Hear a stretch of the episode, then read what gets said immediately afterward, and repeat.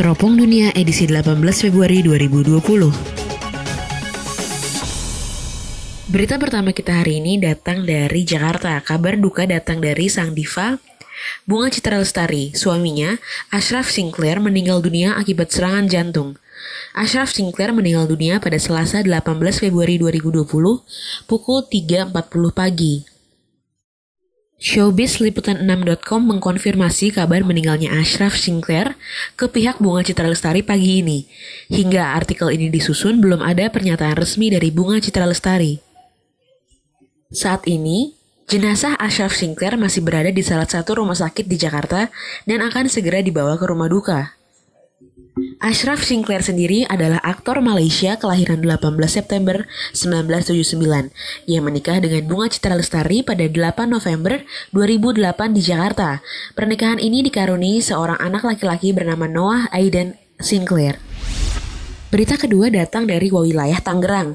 Sebanyak 100 drum kosong disiapkan Badan Tenaga Nuklir Nasional untuk mengangkut tanah yang terpapar radioaktif di perumahan Batan Indah Setu Tangerang Selatan pada hari Senin, 17 Februari 2020.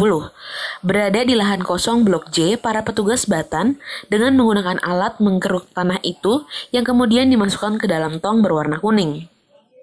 Usai diisi tanah, drum-drum itu langsung diangkut ke dalam truk khusus.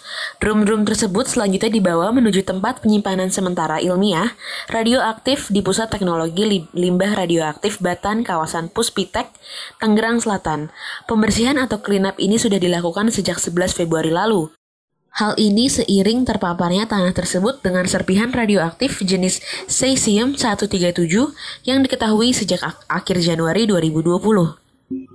Menurut Kepala Biro Humas dan Kerjasama Batan, Heru Umbara, sudah ada 87 drum tanah yang diangkut dari lokasi tersebut sejak akhir Januari hingga Minggu 16 Februari 2020. Proses pembersihan ini dilakukan setelah pihaknya berkoordinasi dengan Badan Pengawas Tenaga Nuklir dan warga penghuni Komplek Perumahan Batan Indah.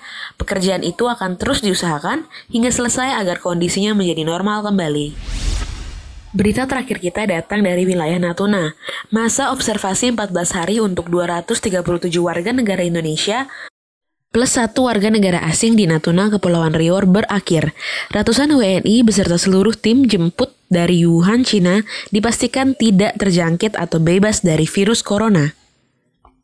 Presiden Joko Widodo memastikan 237 WNI yang selesai menjalani masa observasi di Natuna dalam keadaan sehat dan terbebas dari virus corona. Jokowi menghimbau masyarakat tidak khawatir dan menerima ratusan WNI itu apa adanya. Kilas teropong dunia hari ini adalah satu pasien diduga terinfeksi virus corona diisolasi di daerah Palembang. Menkumham sebut ada salah ketik di RUU Omnibus Law. Bapeten menyatakan zat radioaktif cesium-137 tidak diperjualbelikan secara bebas. Sekian Teropong Dunia edisi 18 Februari 2020.